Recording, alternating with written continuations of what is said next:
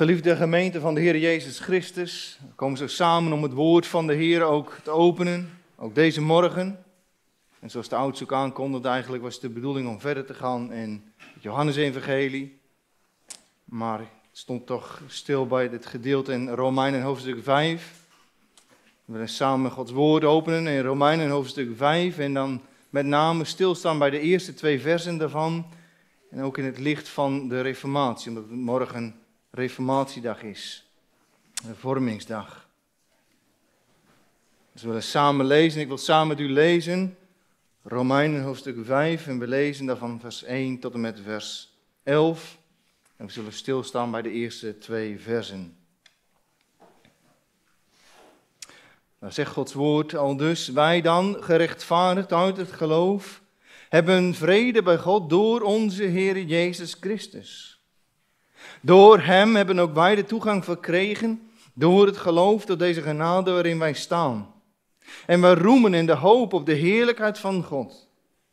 En dit niet alleen, maar we roemen ook in de verdrukkingen. Omdat wij, wij weten dat die verdrukking volharding teweeg brengt. En de volharding ondervinding. En de ondervinding hoop. En de hoop beschaamt niet, omdat de liefde van God in onze harten is uitgestort door de Heilige Geest die ons gegeven is. Want toen wij nog krachteloos waren, is Christus op de bestemde tijd voor de goddelozen gestorven. Want bij hoge uitzondering zal iemand voor een rechtvaardige sterven. Hoogstens immers heeft iemand de moed om voor de goede mens te sterven. God echter bevestigt zijn liefde voor ons daarin dat Christus voor ons gestorven is toen wij nog zondaars waren. Veel meer dan zullen wij, nu wij gerechtvaardigd zijn door zijn bloed, door hem behouden worden van de toren. Want als wij, toen wij vijanden waren, met God verzoend zijn, door de dood van zijn zoon, hoeveel te meer zullen wij, nu wij verzoend zijn, behouden worden door zijn leven. En dit niet alleen, maar we roemen ook in God, door onze Heer Jezus Christus, door wie wij nu de verzoening ontvangen hebben. Zover de schriftlezing. Zalig, gezegend bent u, als u dit woord van de Heer niet alleen leest en niet alleen met uw oren hoort, maar dat deze waarheid van Gods woord ook in uw hart mag zijn en mag wonen. Vandaag staan we stil bij een onderwerp van de Reformatie. En als thema hebben we dan ook ware Reformatie brengt een ware vrede. Morgen is het 31 oktober. En zoals de broeder ook al zei, 505 jaar terug begon daar de Reformatie. En een van de kernfiguren in de Reformatie is Martin Luther. Hij was iemand die uiteindelijk geraakt werd in zijn hart en in zijn ziel. Hij was iemand die rechten studeerde. En uiteindelijk dat de Heer hem eigenlijk in het hart zo raakte dat hij het Oude Testament aan het lezen was. En dat hij de wetten van de Heer aan het doorspitten was. En dat hij ook zag met het oog van iemand die dus rechten bestudeerde. En zei als dit waarheid is, als dit Gods waarheid is, als dit Gods standaard is, kan ik niet rechtvaardig verschijnen voor God. En hij besefte dat als ik kom te sterven, hoe kan ik dan rechtvaardig verschijnen voor God? En dat was een vraag die voortdurend als het ware in hem opkwam, die hem voortdurend bezig hield. En op 21-jarige leeftijd verlaat hij ook zijn studie rechten en dan gaat hij naar Erfurt. En dan gaat daar een kloosterleven leiden. En als we inzoomen op het leven van Martin Luther, dan zien we dat hij in die tijd veel bidt, veel vast. En dat hij echt in de, tot in de grootste details zijn zonden opnoemt. Urenlang beleidt hij zijn zonden. Urenlang noemt hij zijn zonden op om ze te beleiden voor de Heer. En toch hadden geen vrede in zijn hart. Hij deed goede werken. Hij dacht, hij dacht na, welke goede werken kan ik nog meer toevoegen om toch rechtvaardig te kunnen verschijnen tegenover God? En telkens kwam die gedachte toch weer in hem op. En die gedachte aan de rechtvaardigheid van God bracht hem voortdurend ook een ernstige schrik aan in zijn hart. Want hij herkende de rechtvaardigheid en de heiligheid van een driemaal heilig God. En hij zag zichzelf in dat licht. Als iemand die niet, rechtvaardig was. Uiteindelijk zien we hem studeren. Hij opent het boek Romeinen.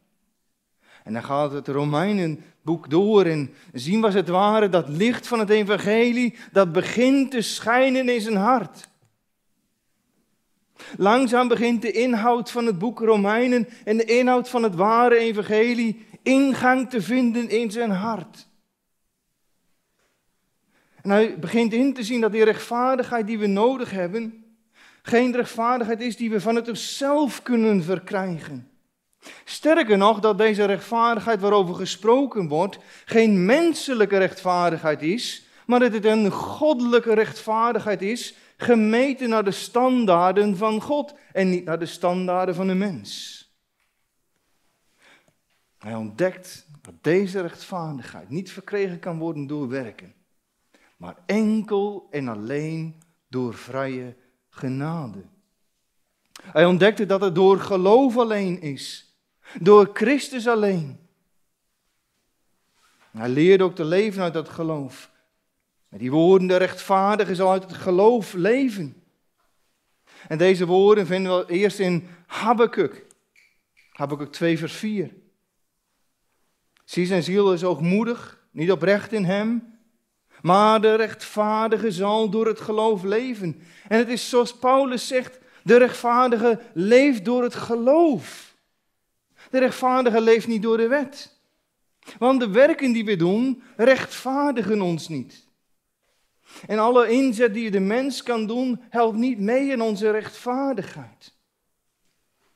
Want als we ons eigen werk zouden toevoegen, dan halen we dat af van het volbrachte werk van de Heer Jezus Christus. Dan zou de waarde van het bloed van de zaligmaker minder zijn. Dan zouden zijn wonden als het ware niet genoeg zijn om gerechtvaardigd te worden. Dan zouden we komen te steunen op eigen inzet. En uiteindelijk zien we dat Luther ook afreist naar Rome. En hij denkt daar in Rome eigenlijk het hart van het evangelie te vinden. Hij verwachtte daar het centrum van licht en godsdienstigheid.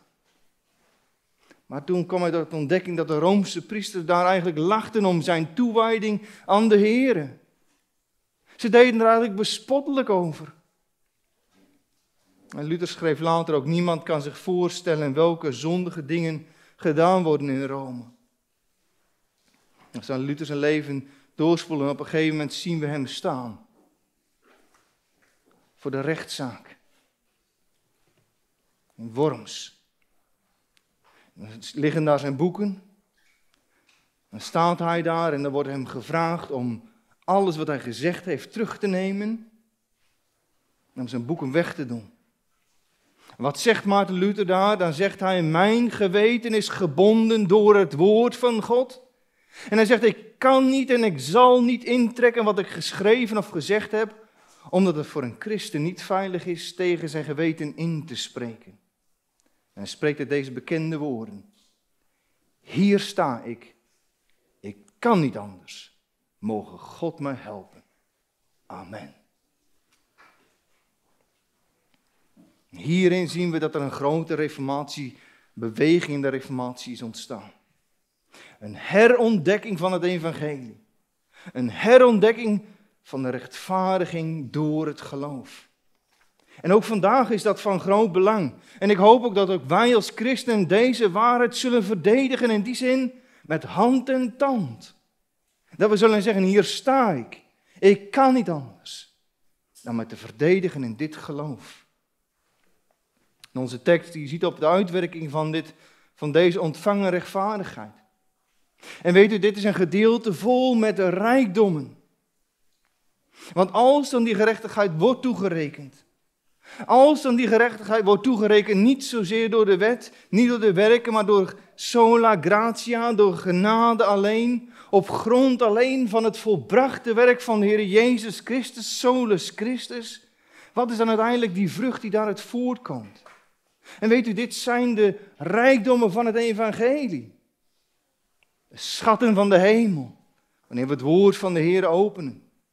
En daarom ook als we vandaag weer stilstaan bij deze versen, dan als het ware, dan slaan de deuren naar de schatkamers van het heerlijke evangelie slaan open. Om iets te zien van de heerlijkheid en iets te zien van de heerlijkheid die we hebben ontvangen door die ontvangen genade. En Luther zegt ook over deze versen, de apostel spreekt als iemand die extreem blij is, vol met vreugde. Ze zeggen nou, open uw Bijbel en gaan we door het vers heen. Romeinen 5 vers 1 zegt, wij dan gerechtvaardigd uit het geloof hebben vrede bij God door onze Heer Jezus Christus. Nou, onze ziene statenvertaling begint met die woorden wij dan. En misschien vraag je af van wie zijn dan die wij? Bedoelt Paulus hier misschien mee, het volk van Israël? Bedoelt Paulus hier misschien wel mee, de apostelen, zij die uitgezonden zijn om dat evangelie te verkondigen? Zijn dit alleen de mensen vanuit de gemeente hier in Rome? Zijn dit misschien mensen die een, een bijzondere gelovigen, zij die een bepaalde mate of een bepaalde staat van het geloof ontvangen hebben?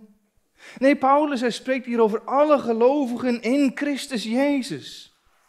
Zij die onderdeel zijn van de ware kerk des Heren. En weet u, het geloof is geen particuliere bezigheid. Als gelovigen staan we in die zin niet alleen, maar delen wij in het lichaam van de Heer Jezus Christus, het wereldwijde lichaam. De kerk is één lichaam. En dit is door de eeuwen heen, door de generaties heen, delen wij datzelfde lichaam. Die wij, waar Paulus hier spreekt, als we Christus toebehoren, behoren wij er ook aan toe. Wij dan. Hij schrijft aan ieder aan wie deze gerechtigheid is toegerekend. Ieder die dit geloof heeft ontvangen, die ingelijfd zijn in de Heer Jezus Christus, die genomen zijn uit de duisternis en geplaatst zijn in dat wonderbare licht. En weet u, als u in uw hart weet en als u leeft met de Heer, als u de Heer kent, als u overgeplaatst bent vanuit de duisternis in dat wonderbare licht, dan mag u zeggen, ik dan. Dan mag u deze woorden toepassen. Dan gaan we het niet lezen als zijnde afstandelijk. Maar dat is wanneer, het woord van de, wanneer de Heilige Geest ons de ogen opent en we lezen het woord van de Heer, mogen we het toepassen op ons eigen leven. Ik dan, gerechtvaardigd zijnde door het geloof. En vanuit die bril mogen we dan het woord van de Heer lezen en toepassen. En wat ligt hier aan de basis? Wat is de basis hiervan? Weet u, de Griekse tekst begint met het, in dit vers met gerechtvaardigd zijnde. Gerechtvaardigd zijnde uit het geloof. En om dit te begrijpen zouden we terug moeten naar Romeinen hoofdstuk 1 en dan het 17e vers. Daar staat het volgende, want de gerechtigheid van God wordt daarin geopenbaard, uit geloof tot geloof, zoals geschreven is, maar de rechtvaardige zal uit het geloof leven. En dit is inderdaad het vers waar Luther zo mee geworsteld heeft. En de reden hiervoor is ook wel begrijpelijk. Want in die tijd is het goed om te weten dat men sprak vanuit de Latijnse taal. Er werd in het Latijns werd er gepreekt en in het Latijns werd er onderwezen. En men las ook vaak in het Latijns, tenminste degenen die dat konden. Maar in de Latijnse taal, dit woord voor gerechtigheid, betekent een actief bereiken. Een actief bereiken van deze gerechtigheid. En Luther ontdekte, deze gerechtigheid kan ik niet bereiken. En hij raakte gefrustreerd. Want niemand op de wereld is in staat om deze goddelijke gerechtigheid te kunnen bereiken. Totdat hij de Griekse taal opende. En in het Grieks in de grondtaal deze woorden las. Want dit is een gerechtigheid die van God afkomstig is. En die in de passieve werkwoordvorm staat. Dit kan alleen passief ontvangen worden door het geloof. En daardoor, wanneer we dit ontvangen van God, deze gerechtigheid van God, dan kunnen we in staat zijn om God te ontmoeten. En in deze woorden viel de last van de schouders van Martin Luther. Als we het boek Romeinen doorlezen, zullen we ook zien in de eerste tot het vierde hoofdstuk, grofweg wordt veel gesproken over die rechtvaardigheid. En Paulus, hij spreekt niet over een morele rechtvaardiging. Hij spreekt niet over een soort van oprechte houding, maar de toerekening van goddelijke rechtvaardigheid. En niet naar de maatstaf die wij mensen hanteren, maar een maatstaf die heilig is. Een goddelijke rechtvaardigheid. Het is zoals de psalm zegt in psalm 24. Daar staat, wie kan de berg des Heren beklimmen?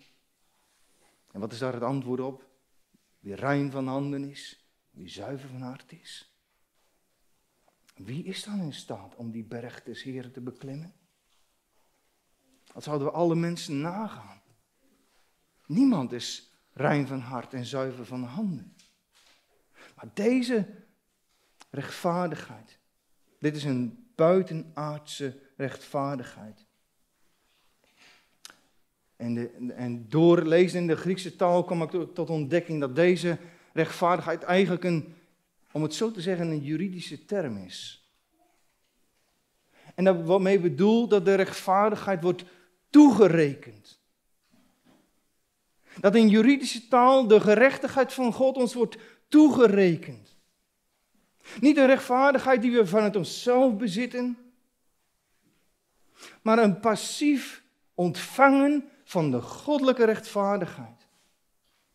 Want het is God die het geloof werkt. Het is God die het hart bewerkt. En het is God die de rechtvaardigheid ook toerekent. Niet dat we zeggen dat de mens zelf een heilig persoon is in zichzelf. En niet dat we kunnen zeggen, we kunnen als het ware daar naartoe werken. We kunnen in ons leven ergens doorheen werken. Dat we een steeds betere en hogere staat van rechtvaardigheid kunnen bereiken.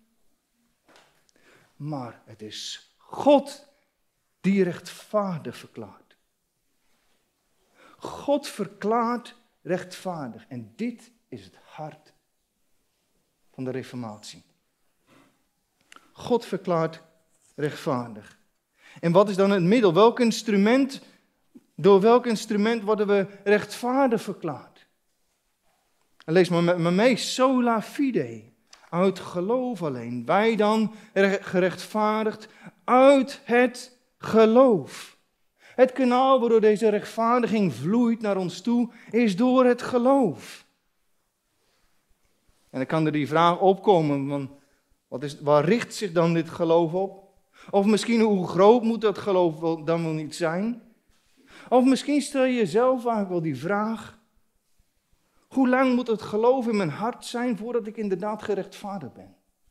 Hoe lang moet ik dit geloof kennen om die zekerheid te kunnen hebben dat ik rechtvaardig kan verschijnen voor God? Maar eerst, wat is dan dat geloof? Want geloof is een innerlijke zekerheid van de dingen die we niet ziet, maar een, een vaste hoop, een vaste zekerheid, een diepe innerlijke overtuiging in ons hart. Weet u, we gebruiken wel eens het voorbeeld van een kind. Als er een vader onder aan de trap staat en hij zegt tegen de kleine, kleine jongen, spring maar. Vader vangt je wel. Weet u, dat kind dat twijfelt niet. Dat denkt niet na. Maar na, zonder na te denken neemt het de sprong omdat het vertrouwt op zijn vader. Het kind denkt niet na hoe hoog misschien wel niet die trap is. Het kind denkt niet na hoe hard hij misschien wel zou kunnen gaan vallen. Hij twijfelt helemaal niet aan het feit dat zijn vader wel sterk genoeg is om hem op te vangen. Maar het kind dat springt. En hier zien we een voorbeeld van, een, van het geloof. En zoals een kind vertrouwt op zijn vader, zo worden ook wij opgeroepen om te vertrouwen in Christus, op Christus. En weet u, dit geloof zit in beweging. En dit geloof, dat doet zien. Het neemt ons de blindheid weg. Door het geloof zien we dat God de schepping heeft gecreëerd. Dat Hij de schepper is van alle dingen die we om ons heen zien. En als we in de Bijbel lezen, dan zien we dat door het geloof Abraham de stad zag die niet met mensenhanden gebouwd is, maar die een ander fundament heeft. Door datzelfde geloof zagen ook de profeten in het Oude Testament op de komst van de zaligmaker, de Heer Jezus Christus. En door het geloof staan we ook op als kerk en als gemeente om dat woord van de Heer te verspreiden. En daarom prediken we ook dit rijke evangelie. En dit geloof dat richt zich op de Heer Jezus Christus. Het richt zich op de beloften die God geeft in zijn woord. En het richt zich op de zaligheid. En hierbij geen toevoegingen. Want nergens in het goddelijke woord vinden we dat er een noodzaak is voor toevoeging vanuit de mens zelf. Ja, we kunnen zeggen het is geloof en, ja toch wel misschien een stukje van dit. Geloof en dat ik, vul maar in. Nee, het geloof in die zin alleen. Geloof alleen. En dan vraag je af, hoe groot moet dan mijn geloof zijn? Hoe lang moet ik dan in dat geloof zijn voordat uiteindelijk deze gerechtigheid en rechtvaardigheid mij toegerekend kan worden? Weet u, de Heer geeft het voorbeeld in zijn woord van een mosterdzaadje. Heel klein. Heel klein zaadje. Wanneer we het in de grond stoppen en het krijgt water, het krijgt licht, dan zien we uiteindelijk een klein, heel klein twijgje opkomen. En na de jaren dan groeit het uit tot een stevige, sterke boom. Die zijn wortels diep in de grond heeft staan. Waarin de vogels zich nestelen. En zo heeft dat ook dat kleine geloof heeft een uitwerking. Zie wat Paulus schrijft. Wij dan gerechtvaardigd uit het geloof. Wij hebben vrede bij God. Want wat is de allereerste zegen? Wat is de allereerste zekerheid die we ontvangen wanneer we het evangelie ontvangen hebben? Dit is een vrede. Vrede met God. En deze vrede die vinden we terug in het Oude Testament onder het woord shalom. En dat betekent niet een wereldvrede. Geen vrede dat we zeggen we kunnen in vrede met onze buren samenleven. Niet slechts een vrede door welzijn, vooruitgang, voorspoed. Dat we zeggen er is een afwezigheid van de onderdrukking. Maar een ware vrede met God. Een ware vrede met God in het hart door de zaligheid. Waarom? Omdat die dreiging van de toren van de Heer is weggenomen. Het leven in die angst met die vraag, hoe kan ik rechtvaardig verschijnen voor God? Die vraag is weggenomen. Hij die een rechtvaardige goddelijke toorn van God tegen de zonde heeft. Hij heeft die toorn losgelaten op zijn zoon. Die toorn is losgelaten op de Zoon, de Heer Jezus Christus. Toen hij daar in dat kruis hing, toen die diepe duisternis daar was en dat Jezus Christus het uitriep, mijn God, mijn God, waarom hebt u mij verlaten? In die diepe duisternis droeg hij de toorn van God ten volle. En wanneer we dan gerechtvaardigd zijn, is dan die blik van toorn van God over de zonde is veranderd en een blik van liefde. Dan ziet hij neer als een vader. Zoals een vader ziet naar zijn kind. Zoals een vader ziet naar zijn zoon of naar zijn dochter. En wij, wij mogen naar hem zien als onze vader. En we mogen kinderen van de Allerhoogste zijn. En onze vijand, die eerste was in ons hart, de rebellie tegenover God, de haat, de woede die ons hart leefde, is veranderd en verwisseld voor een ongekende vrede en vreugde. Een hemelse vreugde. En daarom kan Paulus ook in vers 15 van dit hoofdstuk het volgende schrijven. U hebt niet de geest van slavernij ontvangen, die opnieuw tot angst leidt, maar u hebt de geest van aanneming tot kinderen ontvangen, door wie wij roepen, Abba, Vader. En de geest zelf getuigt met onze geest dat wij kinderen van God zijn. Wanneer we gerechtvaardigd zijn door dat bloed van het lam, dan vluchten we niet meer bij God weg. Maar dan is onze houding is veranderd, want we vluchten naar Hem toe. En we roepen, Abba, Vader. En we leggen onze nood voor Hem neer. En Hij is een God en een Vader die hoort. Die zijn oor te luisteren legt. Misschien denk je wel, als je deze versen zo leest en spreken hier over de vrede, dat je denkt van kan het ook niet misschien zijn dat ik leef met een valse vrede in mijn hart? Kan het zo zijn dat ik misschien wel eigenlijk mijn vertrouwen stel op een valse vrede die eigenlijk niet echt is? Weet u, er is een verschil in Engels tussen faith en believing. Beiden worden eigenlijk wel in het Nederlands vertaald met geloof. Maar een intellectueel geloof, als we zouden zeggen, ik, ik geloof dat Jezus is Heer, en dat als het ware, dat is mijn beleidenis, dat is het dan, dat heb ik uitgesproken, dan kan dat een valse vrede geven, want kennis van de waarheid is geen basis tot zaligheid. Is niet de zaligheid zelf. We kunnen de schrift van binnen en van buiten kennen. En ik heb het hier wel eens gezegd, we kunnen theologie studeren zelfs. Maar deze kennis die in het hoofd zit, is daarmee nog geen zaligheid.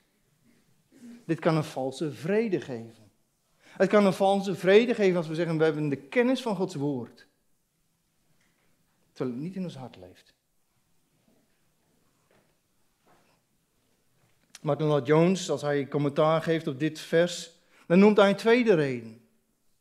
Een tweede reden dat is een geloof dat niet ziet op Christus, maar een geloof dat ziet op mijn geloof. Misschien denk je van dat is vreemd. Het is een geloof wat ziet op mijn geloof. Dat geloof dat richt zich niet op de zaligmaker, maar dat geloof richt zich op mijn eigen geloof, dat wat ik geloof. Ik geloof dat, maar het richt zich niet op de zaligmaker zelf. En hoe herkennen we dit dan? Hoe herkennen we dit? De mens die in de valse vrede leeft, wordt nooit geraakt door twijfel. Iemand die in valse vrede leeft, wordt niet geraakt door twijfel. Want hij ziet in werkelijkheid niet op zijn eigen staat. Hij ziet niet in werkelijkheid op wie God is. Maar hij denkt eigenlijk zo voor te gaan. En er is niets wat hem in die zin ook verdrietig maakt. Er is niets wat hem voortdurend doet drijven naar de zaligmaker de Heer Jezus Christus. Er is niets wat hem voortdurend op de knieën brengt. Immers zijn kennis in zijn hoofd is voldoende. En het maakt hem misschien wel opgeblazen. Maar een ware vrede in het hart doet ons brengen op de knieën. Dan kunnen we de de vraag stellen, maar hoe kunnen wij dan die vrede ontvangen? Hoe kunnen wij deze vrede ontvangen? Solus Christus. Wij hebben vrede bij God door onze Heer Jezus Christus. Deze werkelijke vrede is alleen te ontvangen door Christus alleen. Hij is degene die centraal staat in Gods woord. Hij is degene die centraal staat in de hele wereldgeschiedenis. Hij is degene die was, die is en die komen zal. Hij is degene die centraal staat in het leven van een gelovige. En ik zou zeggen, lees de brief van de Romeinen en we zien voortdurend in Hem, door Hem, door Christus alleen, door Hem alleen. Hij is het enige fundament voor die waarheid. Hij is het enige fundament om deze gerechtigheid en die zaligheid te kunnen ontvangen. O, zie eens op deze Christus. Denk na over wie Hij is. Mediteer over het volbrachte werk van de zaligmaker. En ik zou zeggen, lees mee vers 8 van het hoofdstuk. We hebben net gelezen. God echter bevestigt zijn liefde voor ons daarin dat Christus voor ons gestorven waren toen wij nog zondaars waren. Toen wij nog zondaars waren. Weet u, dit vraagt een grote liefde van een zaligmaker. Dit vraagt een grote liefde van een zaligmaker voor zondaren. Weet u, toen de Heer neerkeek op de wereld, was er niets wat aanlokkelijk was. Geen enkel mens die aanlokkelijk was in het aangezicht van de Heer. Niets wat aantrekkelijk was. Maar hij zag dat de mens gevallen was in zonde, duisternis, haat en rebellie. En deze staal daalde hij af, legde zijn heerlijkheid af en werd mens als wij. Wat een liefde van een zaligmaker als hij. Om zijn leven te geven. En hierin zien we de eerste zegen en de eerste zekerheid. Dat is dat we de vrede van God kennen. En dan komen we ook op die tweede zegen. Als we doorgaan naar vers 2, door Hem. En Paulus, hij gaat door op het werk van de Heer Jezus Christus. Door Hem hebben wij ook de toegang verkregen door het geloof. Want het ozoenoffer van de Heer Jezus Christus is die enige deur, die enige sleutel die toegang geeft tot deze genade en de vrede van God. Er is geen enkel ander sleutel dat past in het slot van de vrede van God. En de wijze waarop dit werk wordt geschreven in de Griekse taal laat ook zien dat dit een voortdurend geopende deur is in Christus. En dat we daarmee de toegang tot God de Vader hebben. Als we in Christus zijn, hebben we, we hebben in Christus een voortdurende toegang tot God de Vader. Weet u, het komt nog wel eens voor dat we in een winkel staan of voor een winkel staan en dat we de deur kijken en dat die net gesloten is. Dat we net te laat zijn. Dat we net op het tijdstip komen dat de winkel gesloten is. Maar de Heer heeft geen openingstijden. Maar de Heer is voortdurend beschikbaar. Hij legt zijn oor te luisteren. 24 uur per dag, 7 dagen in de week. In welke omstandigheid wij ons ook bevinden. Deze toegang is het een van de resultaten die we hebben van het gerechtvaardigd zijn door het bloed van Christus. En u, dit woord toegang, dat komt drie keer in Gods woord voor. Eén keer vinden we het hier in het boek Romeinen en we vinden het twee keer terug in het boek Efeze. En dit woord van toegang, dat brengt eigenlijk ook introductie met zich mee. Iemand introduceren, net als iemand geïntroduceerd wordt wanneer we iemand bij ons hebben en we introduceren een persoon. En daarom kunnen we ook zeggen, we hebben de toegang verkregen, of we zijn geïntroduceerd op deze genade waarin wij staan en we roemen in de hoop op de heerlijkheid van God. En wat is dan deze genade? Wat is deze genade? Paulus, hij schrijft hier heel specifiek, niet een algemene genade, niet over de sola gratia, maar hij spreekt over een vrij specifieke genade. Deze genade. Weet u, dit is de onverdiende genade waarin we staan. Dat is de realiteit waarin Gods verzoenend werk is overgebracht op het leven van een gelovige. Deze genade betekent dat we niet meer staan onder de vloek van de wet. Maar dat we leven onder de genade. Dat we leven in een staat van zaligheid. Dat is deze genade waar Paulus over spreekt. En dus gerechtvaardigd zijn betekent ook een nieuwe realiteit. Wanneer we gerechtvaardigd zijn, is dat niet iets, een, een denkbeeldig iets. Maar het is een ware realiteit waaruit we moeten gaan leven. En ik moest zo denken aan een voorbeeld. Dat brengt ook onze houding mee. Stel dat we opgroeien in ons huis, ons ouderlijk huis, en onze ouders hebben het goed. Er is voldoende inkomen. Onze ouders zijn in staat om een mooi huis te kopen. Onze ouders zijn in staat om ons eten te geven, drinken te kopen en onderdak te bieden. Gaan wij dan als kinderen leven als een zwerver op straat? Zou het dan gepast zijn om langs de straat te gaan zitten bedelen? Nee. De ouders zouden zeggen, dat doen we niet. We leven hier in huis. En daarom zegt Paulus ook, tot deze genade waarin wij staan. Paulus wil de gelovigen verzekeren dat we in die staat staan. Deze hoop is vast en zeker. De Romeinenbrief is in die zin een brief die gaat over die zekerheid. Tot uiteindelijk de finale heerlijkheid bij God. En dat is wat Paulus voortdurend als het ware onderstreept in de hoofdstukken 5 tot en met 8. En Paulus zegt ook niet van, dit is een staat van de genade waarin we zitten. Dat we zeggen, we gaan als het ware achteroverleunen. Nee, het woord staan, dat is een actieve houding. Gebruik maak het van deze genade. Levend in deze genade. Met dankbaarheid naar God. En blijdschap in de wereld.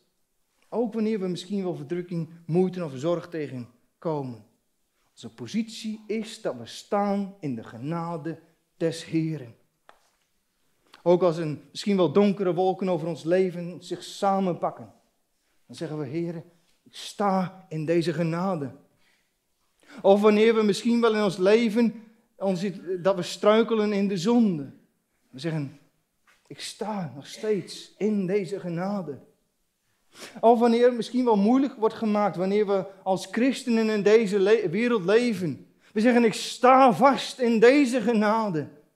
Tot het moment van de heerlijke verschijning van onze zaligmaker, de Heer Jezus Christus. Dit kan ook alleen maar door de genade, broeders en zusters. Dit kan ook alleen maar door de genade van de Heer. Dit is niet iets wat wij zelf ons kunnen, als het ware, kunnen opwerpen of opwerken. Martin Jones zegt hier het volgende over: we zijn de staat van de genade binnengekomen. We zijn geïntroduceerd aan God en staan nu voor Hem op een volkomen nieuwe manier. En zie hoe dan dit vers zich besluit. En we roemen in de hoop op de heerlijkheid van God. Soli Deo Gloria. We roemen in de hoop op de heerlijkheid van God. En weet u, dit is exact het tegenovergestelde van onze zondige eigen natuur. Deze roem komt voort uit de vernieuwde en veranderde natuur. Maar hierin herkennen we dat we Hem toebehoren. Dat er een ommekeer is. Dat er een verandering in het leven is. Geen honger meer naar rijkdom. Geen honger meer naar successen in deze wereld. Dat is niet meer onze nummer één. Maar een drang naar het hemelse. Een drang naar Hem. Een drang om Heer van Hem te mogen zien. Een verlangen om het Hem te mogen zien zijn. En onze roem is in de hoop op de heerlijkheid van God. En weet u, hier ligt een, als het ware een, een middelpunt in. Want we roemen in de heerlijkheid, of in de hoop op de heerlijkheid van God. En in het midden ligt hier de hoop. Broeders en zusters, we hebben en we leven in hoop. Hoop op de gerechtigheid van God. En dit is de heerlijkheid van God in de toekomstige heerlijkheid. En dit is iets wat we niet ten volle nu bezitten, maar dit is wat wij verwachten. En deze verwachting brengt een ongekende vreugde met zich mee in dit leven en door dit leven. Want wij verwachten de toekomstige heerlijkheid die ons geopenbaard zal worden in de Heer Jezus Christus. Een eeuwige heerlijkheid van God. En weet u, in deze heerlijkheid zullen we volmaakt zijn. Als we rechtvaardig zijn nu, zijn we straks volmaakt. Dan komen we terug in de staat van Adam, die hij toen bezat in de Hof van Eden. De staat waarin hij wandelde door die tuin en de staat waarin hij sprak met God en God met hem. Weet u opnieuw, dit is een absolute zekerheid die we mogen hebben als christenen. Hen die hem toebehoren. Hen die gerechtvaardigd zijn door het bloed van Christus. Die zekerheid is dat God alle dingen zal nieuw maken. En er komt een tijd waarin God alle tranen van onze ogen zal afwissen. Er komt een tijd dat onze lichamen zullen opstaan tot eeuwige heerlijkheid. En weet u, die heerlijkheid is nog meer. Ik zou zeggen, kijk mee naar vers 29. Want hen die hij tevoren ontvangen heeft, heeft hij er ook van tevoren toe bestemd om aan het beeld van zijn zoon gelijkvormig te zijn, opdat hij, Christus, de eerstgeborene zou zijn onder de vele broeders. Dat is onze hoop. We zullen hem gelijk zijn. Meer dan de staat die Adam bevatte zullen we Christus gelijk zijn. We zullen aan zijn heerlijkheid gelijk zijn. Wij dan gerechtvaardigd zijn door het bloed van het lam. En samen met alle christenen roemen wij in deze heerlijkheid. Kunt u zich voorstellen dat Paulus deze woorden opschreef?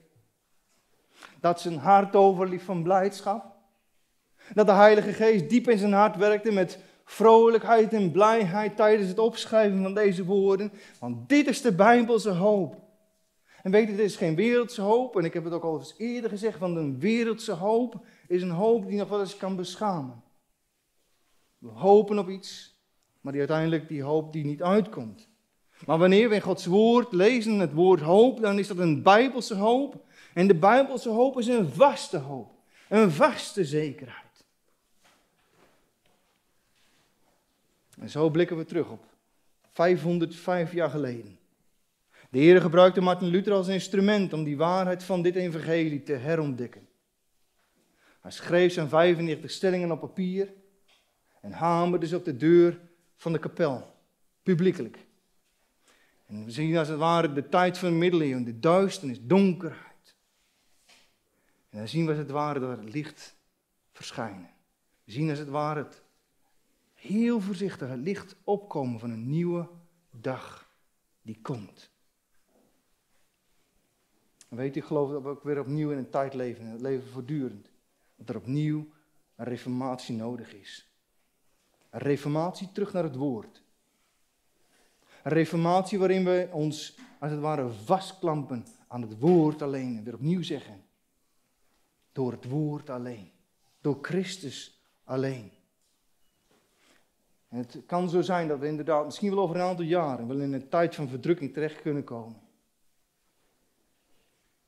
Misschien wel in een tijd waarin we voor rechters gedaagd zullen worden. Waarin we staan. En waar u misschien wel staat, waar ik misschien wel moet staan met het woord van de Heer in onze handen. Wat zeggen we dan? Kunnen we dan met Maarten Luther zeggen, hier sta ik. Ik kan niet anders. Zo waarlijk helpen de Heere God mij almachtig. Amen. Kunnen we, zijn we daartoe bereid om het woord van de Heere te verdedigen? Zo komen we tot een einde. Paulus ziet in deze versen als het ware op de huidige situatie van hen die gerechtvaardigd zijn. En hij blikt naar de toekomst en toont die twee bewijzen van de zekerheid. Eén, dat is dat we vrede hebben bij God door onze Heer Jezus Christus. En de tweede zekerheid is dat we roemen en de hoop op de heerlijkheid van God. Het is door genade alleen. Het is door Christus alleen. Door geloof alleen. En weet u deze woorden? Dit zou ons in een diepe verwondering moeten brengen. Dat het een toegerekende rechtvaardigheid is. Niet omdat wij zo goed zijn. Niet omdat wij ons hebben opgewerkt maar omdat Hij het heeft gedaan. Omdat Hij het heeft gedaan. En daarom zeggen we ook met de Reformatie mee: sola scriptura. De schrift alleen. Sola gratia. Het is door genade alleen. Sola fide. Het is door geloof alleen. Solus Christus. Het is Christus alleen. Met als laatste soli deo gloria. Alle eer aan God. Ik besluit met het thema. Ware reformatie brengt ware vrede in het hart. En de vraag is ook vanmorgen. Kent u deze vrede? Leeft u in deze vrede? Leeft u verlangend in de hoop op de heerlijkheid van God? En dit is een vrede die de wereld niet kan ontvangen. Dit is een vrede die de wereld ook niet kent. En de Bijbel spreekt erover als een vrede die alle verstand te boven gaat. Een vrede die vreugde en verlangen brengt om God te behagen, om te wandelen in zijn eeuwige aangezicht, om Hem groot te maken. Verlangend en uitzien naar die dag dat we met Hem mogen zijn. Amen.